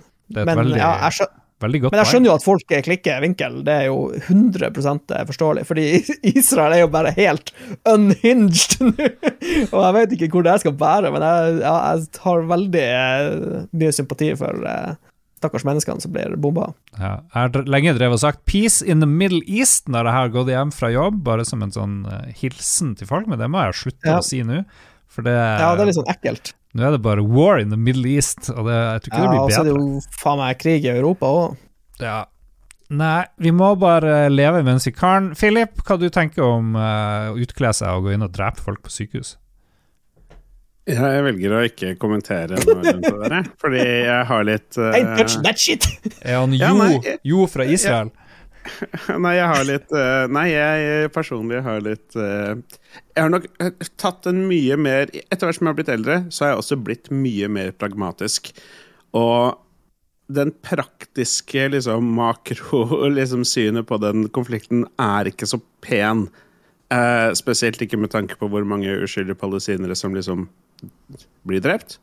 Og ja. Nei, ja, nå, nå begynner jeg. Du, Ja, du, nå må du, vet, du, nå er du i gang. folkens, folkens, dere vet i Star Trek Du har der eh, Kobayashi Maru, det der uvinnelige scenarioet. Mm. Det er eh, Palestina og Israel og Hamas. Det er ingen løsning på det. Det er fucked. Superfucked. Det er en- det er én løsning. Hamas må bare overgi seg. Ja. Ja, for da, ja, det hadde jo da blir sikkert. Da blir nok Israel Sett, sett opp en tostatsløsning etter det. Men før, eh, så lenge de er reaktive, så kommer det aldri til å skje. Ja, ja Jeg vet ikke. La oss gå videre. La oss gå. Å, herregud. OK. Skal jeg fortelle deg noe- sjukt? ingenting, Ok, Jeg er jo kjent for å eh, anbefale rare ting som eh, jeg ser på Netflix og reality-TV og sånne ting. Jeg har jo sett så mye merkelig sånn pule-TV og, eh, rare asiatiske ting og sånne ting. Og eh, Lars har jo også vært inne på dette Hva er det heter for noe det der huset? Terrace House? Terrace House. Ja. Og jeg har gått inn på en litt sånn semiblanding av det nå i det siste. Og før jeg sier hva det er for noe, så vil jeg bare si at jeg gikk inn på Netflixen min nå, som jeg og min ekssamboer har delt, og nå har det dukka opp to nye kontoer for hennes nye kollektivvenner, som nå moocher av min Netflix! Åh, manage profiles. Ja takk. Sign out! Oi! Hva er dette her? Edit? Oi. Ja, det får jeg se på etterpå. Men en ting da som jeg har sett på Netflix i det siste, er et uh, et eh, asiatisk eh, reality-konsept som heter The Devil's Plan. Og The Devil's Plan handler om å ta x antall mennesker, ikke hvor mange det er i begynnelsen, tolv stykker eller noe sånt, og så kaster du dem inn i et hus, og så har de på en måte konkurranser mot hverandre, og så er det én person som står igjen til slutt, som vinneren, og vinner da en milliard, milliarder og sånne ting, ikke sant? Kjent konsept. Vanligvis så konkurrerer man jo i eh, noe, gjerne noe fysiske greier, eller noe sånn man må spise ekle ting, eller noe utholdenhet, eller man stemmer kanskje på hverandre, eller noe sånt noe. Men i The Devil's Plan så er det all about the brain power. Oi. Alle spillene er forskjellig mentalt utfordrende spill. Og da mener jeg ikke sånn holde ut en ting mentalt, men hvis du er en smart motherfucker, så gjør du det bra i dette spillet her. Alle deltakerne er tidligere på en måte sånn Er, Er, eh, er type sånn eh, sjakkspillere eh, og liksom IQ folk, Science-folk. Det er noen sånne youtubere og sånne ting, men det er liksom folk som driver med liksom, ja, science-kanaler og sånne ting. Som har så greie. De er nesten de kjedeligste, for de snakker jo de snakker bare om science hele tida. Uh, matematikere og folk som liksom driver med masse forskjellige typer ting. Advokater og liksom dritsmarte folk. Som er kasta inn i dette her. Men er Og- du smart hvis du er advokat? Du er jo ikke nødvendigvis smart. Er det? Ikke nødvendigvis, men Du har er kapasitet for smarthet. Ja Ja, OK, unnskyld, det var ikke meningen å avbryte. Ja, alle er smart. Alle er smarte eh, på eh, litt sånn forskjellige måter. eh, Med sånn taktikkspill og sånn. Og de skal konkurrere i masse forskjellige greier. Og så er det jo da folk som blir ute, og så videre. Og så går noen i fengsel og whatever. Men poenget er alle disse forskjellige konkurransene. De er så jævla kule, og det første spillet de spiller, er en type sånn Among us slash mafia-type greie. Og det å se på en måte helt sykt smarte folk spille et sånt spill, er ganske interessant. Å, Gud. Eh, spesielt når som, det all, alle er han Frank. Uh, Ja, jeg skulle til å si det. Du har, du har basically Alle er Frank. som er en referanse jeg ikke tar, men det høres veldig riktig ut. Um, så, eh, de spiller da liksom forskjellige typer roller og sånne ting. Og så, noen er terrorister og så whatever. Og, eh, eh, nei, det er bare interessant å se hvordan man inn angriper denne liksom, leken med en sånn analytisk evne, på en måte. Han ene fyren bare foreslår Hvis vi bare står i hvert vårt hjørne, og ingen beveger seg, så kommer, vinne, så kommer ingen til å vinne. Og så bare foreslår at de gjør det i tre timer, liksom. Eh, ja, så det er, det- er mye den type spill. Og så er det eh, kortspill, og det er noe brettspill, men det er liksom verdens mest avanserte monopol, på en måte. Eh, eller avanserte ludo. Det er liksom det er dødsheftige greier. Jeg skjønner ikke alle spillene engang, for det er så mye matematikk og sånne ting som de kaster inn der. Men de forklarer alt relativt godt. Hvis man følger med, så er det nok fullt mulig å plukke det opp. Uh, og det er, det er rett og slett spennende å se en ny type reality. Jeg har eh, det, uh, Dette er også Sør-Korea, ikke sant? Uh, jeg har et kjapt spørsmål. Har de den derre tre sekunders spole tilbake-greia hele tida, sånn som i Physical 100? For det Å, jeg sliter så med det! Det er tydeligvis noe de gjør i sørkoreanske program. Det er ikke så mye av den, faktisk. Jeg har også okay. sett Physical 100, og der, ja, der er det mye mer av det. Så det er ikke, det er ikke like mye av den. Uh, okay, bra, bra, bra. For det, det er det som er litt gøy. De spiller det, det blir jo litt drama, for noen lager jo allianser og sånne ting, men det er liksom ikke det som er fokuset for serien. Eh, og eh, ja, noen ganger så liksom, har de sånn å, hva, viser noe som kan liksom skjer senere uten å gi konteksten og sånne ting. Eh, og noen ganger så går de bak i tid for å vise en samtale som har vært tidligere. Men ja, det er ikke så mye av den type sleipe triks. Så, og, og oppi alt dette her så har du det som Lars kjenner igjen fra, fra Terrace House, hvor alle er så jævlig høflige. Og det er litt sånn derre de back, de, På et tidspunkt må jo noen backstabbe hverandre, liksom. Og folk hater å gjøre det, og 'unnskyld, unnskyld, unnskyld', og bare ah, 'vær så snill og tilgi meg', og sånne ting. Men nei, det går bra, og noen må vinne, noen må tape. Sånn går det. Og nei, det er i det fascinerende nivå. Her, er- jeg er intrigued, Mats. Jeg er intrigued. Jeg, er- jeg er sykt med. Ja. Jeg elsker, Netflix. jeg elsker sørkoreanske filmer, jeg elsker sørkoreanske realityshow. Jeg, du hadde meg på det. Jeg har, eh, jeg har vært inne på Wikipedia og oversatt eh, den uh, sørkoreanske tittelen på hangul. Uh, vet du hva det heter der nede? Nei? Devil's Plan! Ja, det så jeg ikke komme. De har kutta ut, de har kuttet ut det i Sør-Korea. Det er ikke noe de bryr seg om. Jeg skal anbefale Jeg skal anbefale en podkast. Før var det noe som het 5080 Nyhetskanalen. Nå er det en podkast som heter 5080 Nyhetskontrollen. Tror det er akkurat det samme, men sikkert bytta noen eiere eller et eller annet. Aner ikke hva de som er med, heter, bortsett fra at alle er fra Bergen, og ene heter Mia Hundvin. Og så driver de og harselerer. Det er litt sånn Nytt på nytt, bare i podkastform, og ikke noe særlig manus. eh, hvor de hvor de er ganske smart, for jeg husker det der 5080 Nyhetskanalen var veldig bra. da, Sånn satire, sånn som The Onion nettsida, på et vis. Eh, men her så driver de jo og prater og sjabber. Jeg må si, jeg koser meg, koser meg med skråblikk. og Det er noe med det der at uh, komikere kan sette skapet litt på plass uh, av og til. noe som ikke Dagsrevyen kan gjøre. ikke sant? De skal intervjue folk i en sak, så spør de ja, du er for det her og du er mot det her, og så er vi kanskje ikke like klok. Av og til så trenger du litt humor og litt satire for å, liksom, for å se, se verden på en litt annen måte. Um, Ja, han, ehm, er to karer, ser jeg. En som heter Markus Gaupås Johansen, og en som heter Sturle Vik Pedersen. Og begge er sånn NRK-dudes som var med på det der 5080, nyhetskanalen. ja. Det er sikkert derfor de bare har beholdt 5080-navnet. ja, jeg tror det er smarte folk. Apropos uh, smarte folk, så hvis du trenger en eh, litt, litt humor i hverdagen, så er 5080 Ja. Nyhetskontroll bra. Og Mia Hundvin, ganske morsom. Eh, I hvert fall s- eh, den flinkeste til å flire, og, og er liksom mer folkelig enn de to andre som er de her NRK-folkene.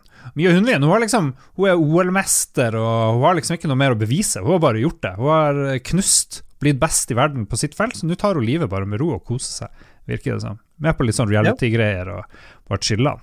Jeg liker eh, episode 45 heter 'Deilige russiske damer i Bessebergs nærområde'. det, er, det er morsomt. Ja, de er ganske harde. De er ganske harde. De, de er ikke snille med Kjerkol og alle de her folka. folkene. Mm, Viktig med litt uh, ga, gape, gapestokk, eller hva det heter. Sånn, ja, var det gapestokk, Trenger litt gapstokk med snert. Ja. Jeg tar meg friheten å slenge på en bonusanbefaling. Ja. Um, eh, det var en lytter som sendte inn noe om dette showet her for en stund siden. Altså bare sånn, å, hva er det? Det må jeg sjekke ut. Gauteshow, har dere sett det? Nei? Jo da, jeg vet ikke om vi snakka så mye om det her, men det er jo det mest edgy. Det er sånn krosning, krysning mellom Between Two Ferns og noe litt mer ille. Men det her har du sett på og kost deg med, Philip. Jeg koser meg så jævlig. Eh, jeg er jo en som synes at alt er lov å tulle med så lenge det er morsomt. Jeg syns det er greit å si at noen ting er unødvendig å tulle med, fordi liksom, det for det meste ikke liksom, er noe morsomt på samme måte som det var før. Før var det kunne du liksom putte en mann i en kjole, og så var det litt gøy, liksom. Eh, det er ikke nødvendigvis gøy på samme måte lenger. Men alt kan jo tulles med så lenge det er gøy, og det beviser Gauteshow. Å, herregud, jeg dauer av latter. Og det er så gøy, og det er, det er edgy, liksom. Kall det gjerne det, men det er mest på grunn av liksom den eh, state of minden som vi er i på generell basis, hvor liksom det som er liksom sjokkerende, er at liksom ingen andre vil vurdere å tulle med det. Men i tillegg til å liksom ha den sjokkfaktoren i gåseøynene, så er det en jævla fun... Det er ofte en veldig funny vits bak der også. Ikke alltid, men ofte. Og Det setter jeg pris på. Men det jeg tror noen misforstår, det er jo at akkurat som Between Two Ferns, hvor han uh, Zack Galifinakis driver og, og roaster folk ganske hardt, så er de jo med på det, uh, de andre, og de er forberedt på hva som skal skje. Det er jo noe annet enn at du går og ser en kortvokst person, og så kommer du med en sokk og sier hei, du, jeg har en sovepose til deg, sånn som de gjør i studio. Det funker jo ikke i real life, den humoren der. Så Nei. det er jo mer Det er jo staged, da, på et vis. Så, men jeg tipper det er mange som syns endelig er det lov å være rasist, liksom. Det er jo sikkert det mange tenker. Endelig kan jeg hate på kortvokste og, og sånne ting. Endelig kan jeg si N-ordet og alt det der. Men det er jo ikke det som skjer, da. Ja, fordi jeg, det når jeg tenker litt sånn over det, så sånn hva det er som er morsomt, og hva som ikke er morsomt det er sånn, De tuller jo eh, Han, eh, han ene mørke fyren, eh, han får gjennomgå eh, ganske mye, eh, og det er jo liksom hin- Liksom, og de han har stjålet lommeboka deres, og han liksom har en lypsyl med vannmelonsmak, og det er jo liksom Det er det er så jævla teit som gjør det morsomt. Og så er det på en måte en ekstra added spice det at ingen andre ville turt å dra den vitsen, på en måte. Masse folk tar jo de vitsene hele tida, men de tror jo de er morsomme og sier dem til folk som ikke er med på leken. Tenker. Ja, for det, det er akkurat den balansen jeg sitter og tenker på som jeg ikke klarer å sette fingeren på eller ordlegge. Er liksom hvordan tuller du med at eh, afrikanere spiser liker vannmelon uten å gjøre det rasistisk, men gjøre det morsomt? Fordi det er en eller annen grense der. Det er et spektrum. Men jeg klarer ikke nødvendigvis å sette fingeren på nøyaktig hvor. Gi meg fire minutter, tenker jeg. Litt av vitsen er vel at det er en sånn amerikansk greie. Det er jo ingen i Norge som tenker at svarte personer elsker kylling, eller er det en stereotypi i Norge òg, liksom? Ja, men Det er det som er poenget. Det er det som gjør det rasistisk. ikke sant? Det er ikke en kulturell greie som skjer noen steder. ikke sant? Det er helt sant at i, liksom, i sørstaten i USA så spiser mye sorter mye av den spesifikke type grillmatgreie, whatever. Men det som gjør det rasistisk, er at alle sorter i hele verden liker fried chicken fordi de har en kultur for det et sted. Mm. gjør Jævlig det godt med eh, fried chicken, da. sånn. Det er jo det. Det ligger en, det ligger en pizza og fried chicken place sånn to meter fra den nye leiligheten min. Åh, det blir ille. Det, det er digg, da. Ja, bare gi opp. Kommer til å gå opp så jævlig mye. Du bare, omf bare omfavne det, Philip. Er vi klar for lytterspalten, folkens? Hvor er lytterspalten? Jeg ba lytterne komme med innspill. Mens dere finner frem det, så får vi høre noe musikk, kanskje. Kommer. Jeg tror det kommer. Kanskje. Ah, yeah. Nå skjer det noe.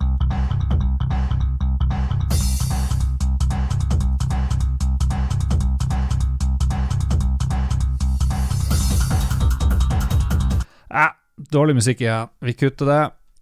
Vi tar lytterspalten i stedet. Skal vi se! Spørsmålet var Mats er tilbake i studio. Det var før vi spurte uh, Mats Jeg leste at Mats ville ha deg med òg. Hva skal det snakkes om? Og Espen Bråtnes, også kjent som Gjedda, mener at vi skal snakke om 762. Hvorfor, hva mener han med det, Mats? Da Han tenker sikkert på et uh, våpenkaliber, men vi må jo først etablere om vi snakker om uh, stor-Nato eller uh, russer eh, 762. For 7, 76251 er jo selvfølgelig Nato-kaliberet, som vi kjenner også som 308 Winchester. Eh, og så har vi 76239, som er det russiske storkaliberet. Hva er Eh, forskjellen ja. der? Er det bare noen millimeters forskjell? Lengd, lengd, nei, altså det, omkretsen på kula er det samme. Eh, men det er jo et, det er jo tyngre prosjektil eh, på Nato-varianten, fordi du har mer krutt i hylsa. Så f- eh, når du ser et kaliber, så, så er det to tall. Det er ett tall, og så er det x ett tall. Og så er ofte det første tallet mye mindre enn det andre tallet. Og det er kort fortalt at det første tallet er kulediameter, og det andre tallet er total lengde på prosjektilet. Er det størrelsen du mer det kommer an på? du har mer krutt Du har mer krutt i Nato-versjonen. Da kan du ha tyngre prosjektil. Sa brura, og apropos brura, eh, Joakim von eh, Sødergren, han sier penis. Hva er den ideelle temperaturen på vaskevannet for penis? Og det går vi til Philip. Ja, er det for penis, eller er det Virker det vaskevann? Altså, eh, det er ikke noe Det er ikke noe Du kan ikke feige ut og endre temperaturen. Den samme temperaturen som du har i dusjen din, er den du vasker penis med. Har ikke du et eget lite bad for, For penis? Bare for penisvask. Egen dusj. Egen en penisdusj. Det har egentlig vært lenger litt det bålet baller hatt. Bitte liten liten dusj. ned. Spyler sånn en liten stråle. Her har vi et produktkonsept, folkens. Rørleggere verden over. Washer.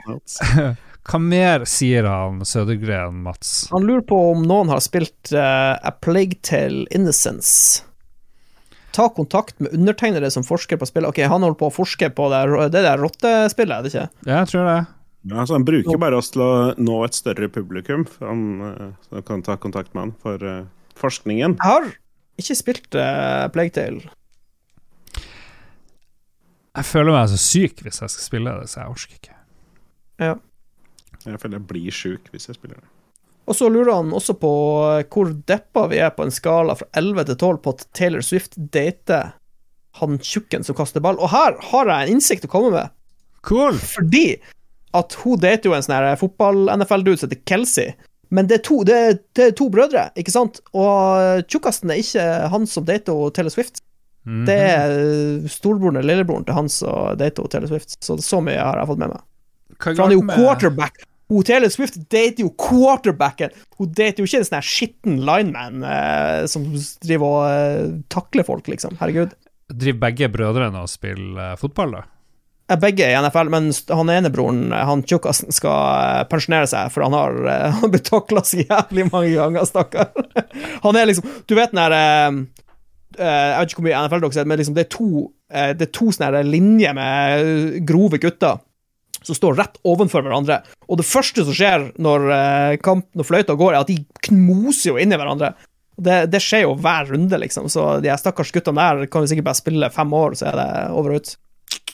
Uh, er det så ille Det er jo veldig artig da at Taylor Swift driver og dater quarterbacken. Det i seg sjøl Den større nyheten er jo at eh, Twitter eh, og faen meg presidenten i USA eh, har slått alarm fordi noen har lagd uh, Noen har lagd deepfake-porno av Taylor Swift.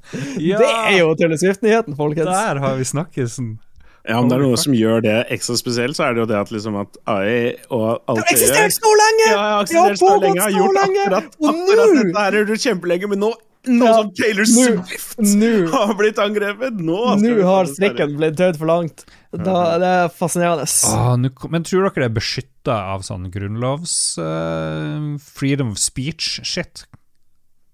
Å lage porno. Nei, Ja, det- det. Nei, no fucking Nei. way. Jeg bare kall det Du, det er jo et, person, det er jo et personangrep. eh, Eller sånn voldtekt av en Det eh, digital ikke voldtekt. Det er mange ting som ikke er dekket av freedom of speech, selv i USA. Men du hadde jo blitt litt smigra, Philip, hvis du ble sånn stor deepfake-pornostjerne, vil jeg tro. Ja, samtidig så hva er poenget med å bruke masse tid på å lage all den pornoen? Du kan sende meg det hjem og bare spørre etter den, liksom, og så får du mappa full. Det går bra, det. Uh, men jeg skal innrømme at jeg Dette kommer til å høres rart ut, men jeg Spesielt med tanke på hvordan resten av verden forguder henne, men jeg ser ikke helt greia med Taylor Swift, jeg. Det, jeg, jeg lurer på om hun bare er for gammel, eller noe sånt, men liksom, jeg, jeg, skjønner ikke hva som er the big deal. Og hun er liksom nå den mest eh, suksessfulle eh, kvinnelige artisten gjennom tidene, og mennesker over hele verden forguder henne. Og disse Swiftiene hennes er jo liksom helt klin spenna sprø. Men jeg, jeg bare jeg, mm, Det er et par catchy låter, liksom, men Jeg tror det er kombinasjonen at hun ser veldig bra ut, og så er hun veldig flink, rett og slett. Har ser hun jo ikke så bra ut engang! Jo, hun er jo kjempepen. Men og så tror jeg det tredje Det tredje er at hun har klart å holde seg unna crack cocaine og liksom hatt et stabil livsstil. Og det, Ja, det er det er nøkkelen. Du, du må ikke gå eh, inn i det her alkoholdrogehelvete når du er, har så mye penger og er så kjent. Ja, for Jo, ser ut som Hvis hun han hadde prøvd crack cocaine én gang, så hadde hun vært fucked. Rett ut. Ja, da var det rett ut. Ja. Nå uh, må jeg selvfølgelig gå i gang med å google Taylor Swift chiptunes uh, for å ha noe å spille ut den her Okay, vi kan, eh, vi kan gå videre her. Eh, han Thomas Holmedal eh, lurer på hvor mange skjær skal man ha på plogen? Og det, Seks Kan jeg røpe? eh, Hvor mange tror du, Lars? Skjær på plogen, holder ikke med ett? Ja. Nei, nå er det sånn i, når du skal dyrke jorda, liksom, og skal lage sånne groper. Jaha, ok. Jeg tenkte hvis du skulle ploge sneen på gata. Da Ja, da jeg, eh, har du jo bare ett. Hvis du har kjempemange, så blir det jo et helvete. Eller du har jo egentlig to Du har egentlig to ploger når du skal eh, brøyte is og snø, for du har jo du har jo den, eh, den som er symmetrisk, hvor du, som, hvor du har en spiss på midten, ikke sant? Når du skal brøyte over fjellet, da har du ikke lyst til å bare ta ei side av veien, da tar du jo hele driten på en go. Men hvis Ja. du eh, er nede på, i lavlandet og brøyter en vanlig vei, så har du jo et skjær som favoriserer sida du kjører på, og dytter snøen ut på, på den Ja, sida. det ja. Nei, det kommer Men hvis vi, skal, hvis vi skal dyrke jord, så kan jeg si at uh, det var ikke uvanlig med åtte og tiskjærsplog. Eh, å si og, det er noen, forskjellige størrelser på det. og noen ploger hadde til og med opptil 14 skjær. Og for å få alle plogekroppene til å pløye like dypt, var det ofte nødvendig med flere mann per plog. Så eh, da har vi lært det. Har de ikke ku og hest? Eller Nei, men du må holde ned. bak. Du er presser ned. har de hørt om traktor? ja. Nei, men altså, Ja. du har jo de på Du har jo hesten foran, og så har du Ja, gubbene bak plogen. Faen heller. Det blir noe, blir noe drit der, apokalypsen. Jeg bare ser Ja. det for meg. Må ploges. Det blir mye arbeid. Det blir mye arbeid. Ja. Nå har du begynt på en rekkefølge jeg ikke skjønner, Mats, så du får bare fortsette med Nei, du begynte nederst. man. Nei, jeg begynte ikke nederst. jo. Du Jo, du begynte nederst. Jeg begynte øverst! Du begynte begynte nederst. nederst! Ok, vi kommer ingen vei. En gang til. Ok, Vi hopper over Magnus og spør hvem er Mats. Kristoffer Getboys Hansen, hva er årets spill så langt? Har tross alt gått en hel måned nå. Spillmåneden januar. Det er vel Palworld som er årets spill så langt. Tekken 8, easy. Tekken 8. Ok, ja, Tekken 8. Jeg støtter Tekken 8. Årets spill så langt. Årets spill, er hel over, årets spill er om eh, Hvis vi spoler fram eh, litt over ei uke, og så sier vi Helldivers 2. Mm. Det er min uh... Og det gamle Spillegalforumet så pleide jeg å arrangere en sånn hvor man stemte over det beste spillet per måned, og så på slutten av året så var det liksom brackets med januar, februar, mars mot hverandre, og så vinneren av de mot hverandre, og så sto man igjen med liksom årets spill. Kom det et nytt Prins of Persia i uh, januar? Kanskje ikke Assassin's Creed? Nei, Prince of Persia. Nei. 18. januar står det at det kom Mm. noe greier. Det har gått helt hus forbi. Jo, jeg Jeg trodde det var Assassin's Creed-spill. Hvorfor fikk jeg med meg det? Det, der skjer dere. Der skjer dere. Nei, er vi ferdige? Gi meg Jake Nei, Gyllenhaal. Han eh, Ragnar uh, Tundal Ragnar lurer på om eh, Har vi et spill vi vil gitt 100 av 100? Har spurt om dette før, men da vis- viste JC til spill han er 10 av 10. 10 av 10 er ikke det samme. Ok, så han vil ikke ha 95% eller eh, Eller terningkast 6. Han vil ha 100 av 100 spill. Det er sikkert mange som forventer at jeg sier Final Fantasy 7 der, men jeg tror ikke jeg gjør det. Det er eh, Jeg tror ikke jeg ville gitt noen spill 100 av 100, for det betyr at da måtte jeg spilt det spillet resten av livet mitt, for det er det perfekte spill. Ja Nei, det syns jeg ikke. Det kunne vært den Ja, jo, men da, hvis, det, hvis du gjør det det 100 av 100, perfekte er med spillopplevelsen. For jeg tenker så et spill sånn som Det nærmeste jeg kommer, er kanskje sånn som eh, noe sånn, sånn Journey eller noe sånt noe, som er en sånn vel, Fordi den tikker så mange bokser. Det er liksom Det er kort, det er konsist, det er gøy, og liksom det, det ser bra ut, det høres bra ut, det er gøy å styre, og det gir deg på en måte en, en opplevelse som er liksom Ja, relativt Men ja, det er, ja Journey, kanskje, men eh, nja 100 av 100, det er, Det er voldsomt mye. det er voldsomt mye. Jeg tror det beste spillet får 97 av 100. Ok. Maks. Jeg har ikke jeg, altså, jeg vet ikke hva det er engang, men eh, jeg har ikke spilt noen 100 av 100-spill, jeg er ganske sikker på. 100 av 100. Det er jo X-Pilot. Gode, gamle X-Pilot, som ingen spiller lenger. Google det, du finner nesten ingenting. Ja, hvis, hvis det skulle blitt et spill, så må det bli et sånt her spill som er i hvert fall ti år gammelt, fordi du må ha den nostalgiboosten. Ikke engang Crone Trigger. Er liksom, Jeg tipper hvis du hadde fyrt opp X-Pilot i dag, Lars, så hadde du umiddelbart justert det ned til 92 av 100. Ah, shit. Motherfuckers. Skal se, jeg, vet, jeg skal, før, vi, før vi avslutter, så skal jeg gjøre en ting her. Han skal gjøre noe nå, nå skal Mats gjøre et eller annet Jeg prøver å finne ut Vi har fått en ny produsent. Eh, tusen takk. Spruceman! Tusen takk til jeg alle. Ok, jeg har fasiten. Ja. Jeg spurte internettet 100 av 100 game. Øverste treffet Reddit. Portal. Øverste kommentaren på Reddit Final Fantasy 7 Original.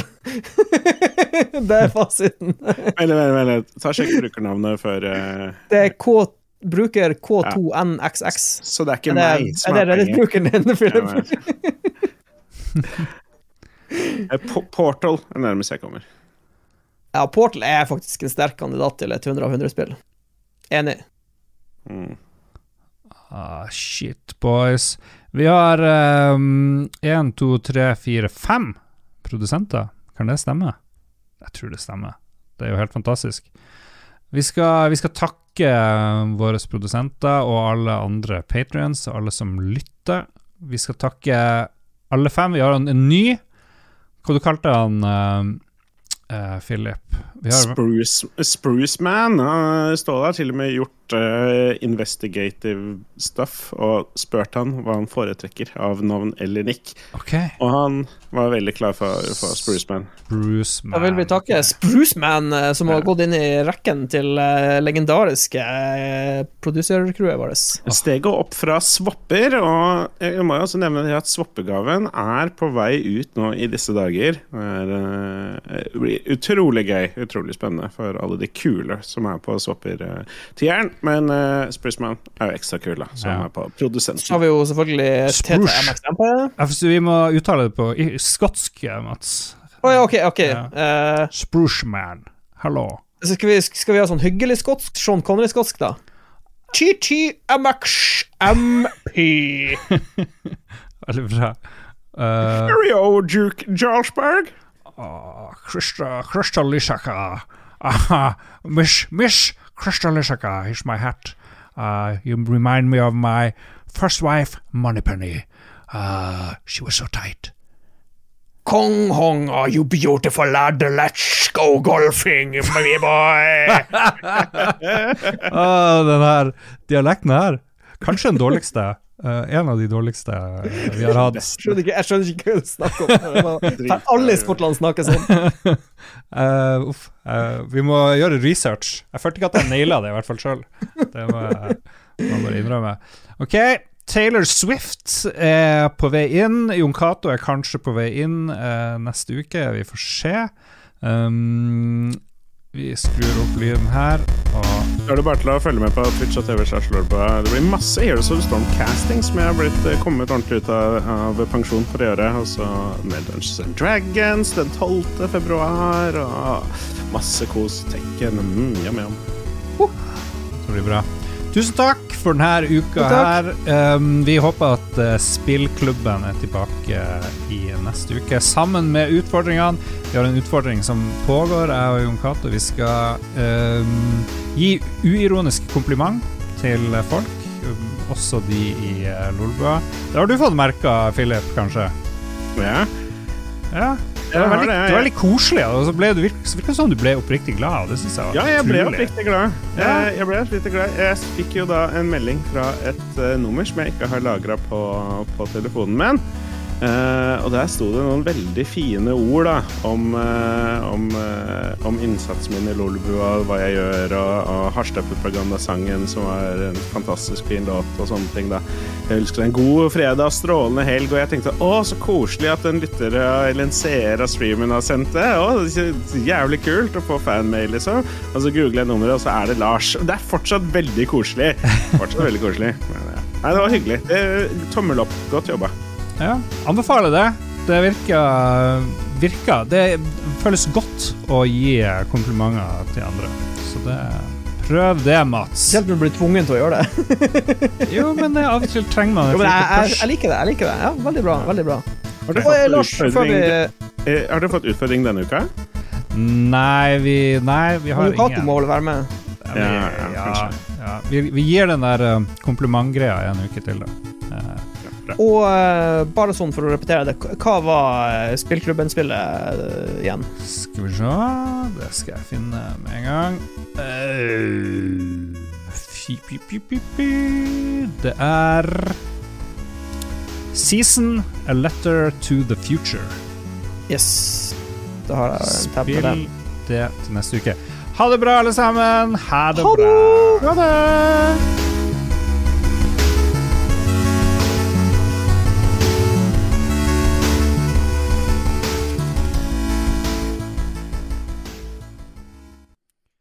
Har du et enkeltpersonforetak eller en liten bedrift? Da er du sikkert lei av å høre meg snakke om hvor enkelt det er med kvitteringer og bilag i fiken, så vi eh, gir oss her, vi. Fordi vi liker enkelt. Fiken superenkelt regnskap.